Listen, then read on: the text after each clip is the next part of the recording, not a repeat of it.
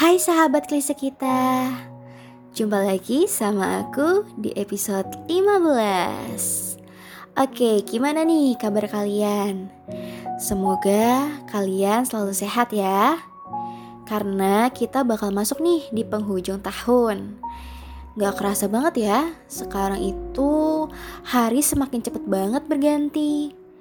Bahkan kita udah mau masuk ke tahun 2021 Akhir-akhir ini lagi sering hujan juga. Jadi, kalian jangan lupa jaga kesehatan. Oke, minggu lalu kita udah ngebahas soal self development.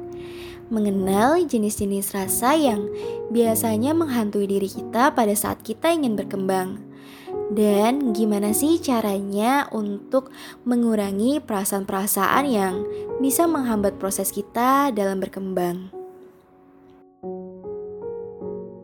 Sebenarnya banyak sekali cara untuk mengembangkan diri yang semuanya saling berkaitan dan saling melengkapi.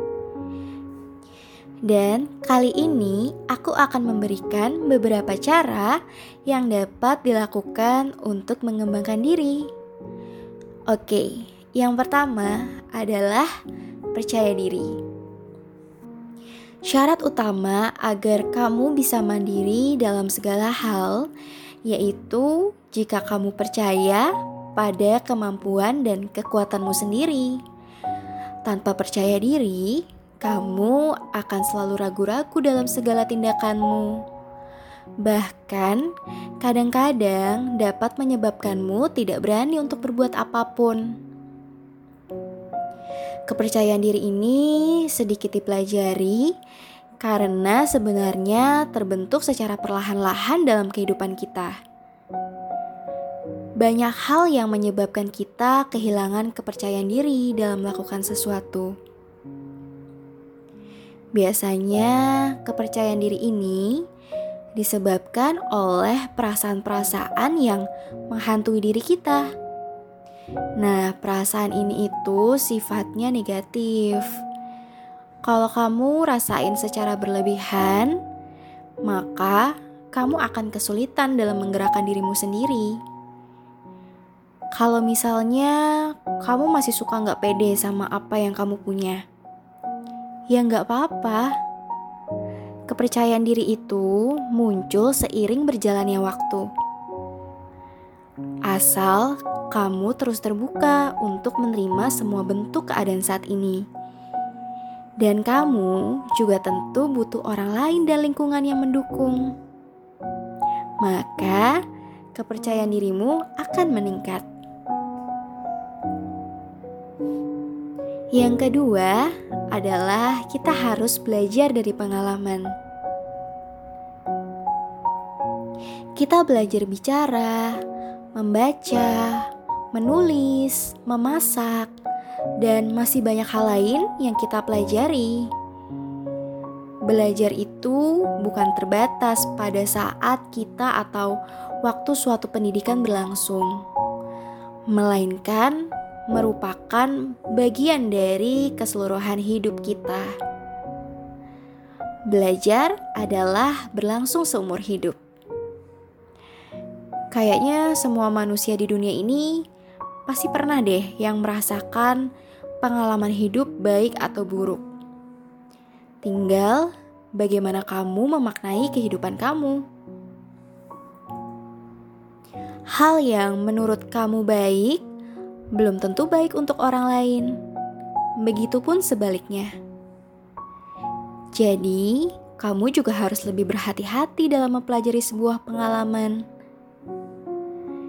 Biasanya, kalau kita punya pengalaman buruk, kita pernah mengalami kegagalan, itu bisa jadi evaluasi kamu selanjutnya.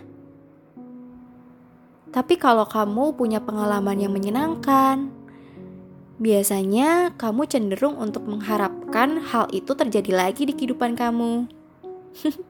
Bener nggak?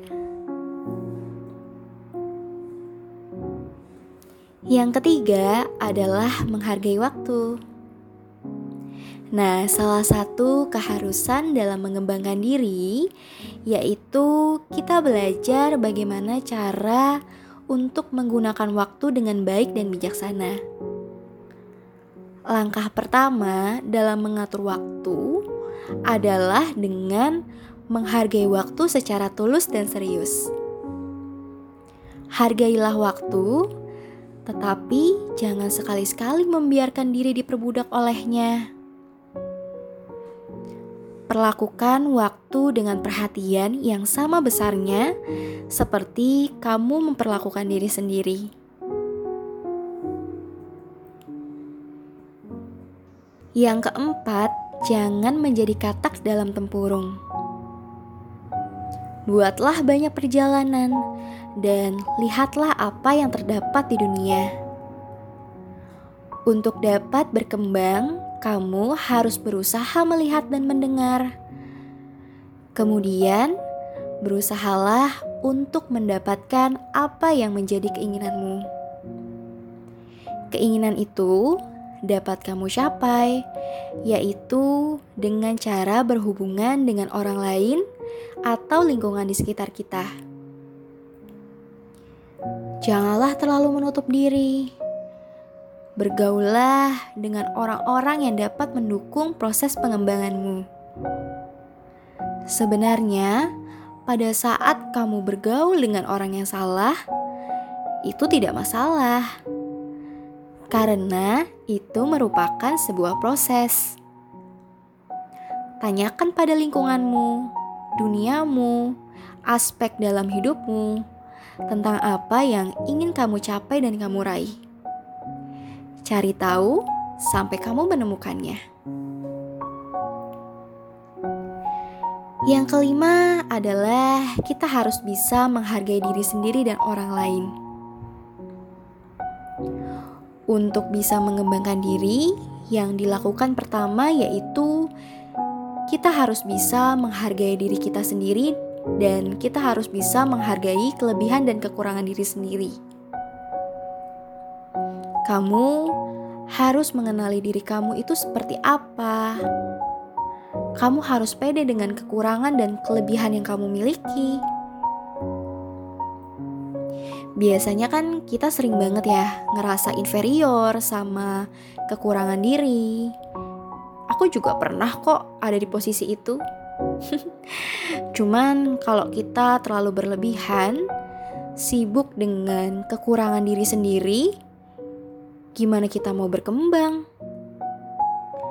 Kalau kamu ngerasa punya kekurangan, ya sedikit demi sedikit kamu perbaiki. Kamu isi dengan sesuatu hal yang positif. Jangan malah kamu sibuk sama kekuranganmu. Terus jadi ngerasa berat buat berkembang. Seseorang itu akan berkembang apabila ia percaya akan kemampuan yang dimilikinya. Demikian juga dengan keberadaan orang lain yang ada di sekitar kamu. Kamu harus menghargai mereka sebagai orang yang mendukung pengembangan dirimu.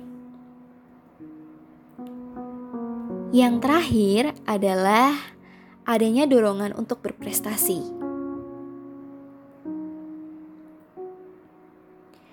Adanya dorongan untuk berprestasi ini merupakan hal yang penting dalam kehidupan kita. Dengan adanya dorongan tersebut, kita diharapkan untuk mampu melakukan kegiatan-kegiatan yang bersifat positif. Untuk mendukung pengembangan diri kita pun dituntut untuk aktif dalam berbagai hal. Jadi, dorongan untuk berprestasi ini juga bisa kamu jadiin patokan. Kalau kamu punya patokan, kamu juga kan bisa mempersiapkan step by stepnya. Jadi, kamu juga bisa termotivasi untuk mencapai sesuatu yang kamu inginkan.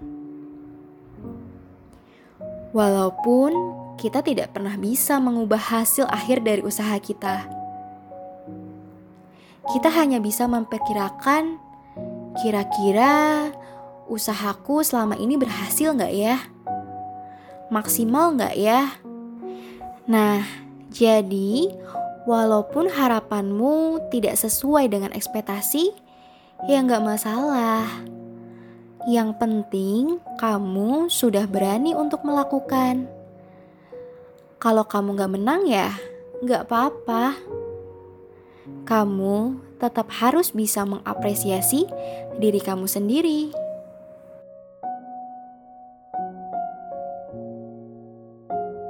Menurutku, hidup ini kita punya dua pilihan.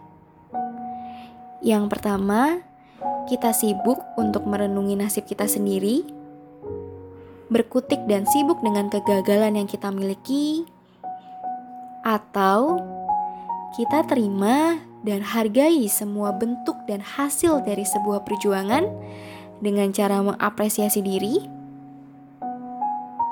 Semua itu kan pilihan, bukan?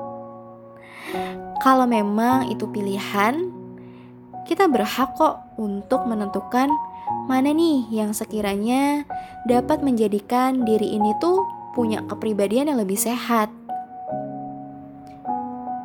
Gak selamanya kan kita selalu berada dalam satu lingkup kondisi. Namun, seiring berjalannya waktu, semua itu kan akan berjalan. Jadi, kita juga harus bisa mengikuti alur dari perjalanan hidup ini. Nah, itu dia yang bisa aku sharing ke sahabat krisis kita. Mudah-mudahan apa yang aku sampaikan bisa bermanfaat ya buat kalian. Ambil baiknya, buang buruknya. Aku dari Krisa kita, sampai jumpa. Bye-bye.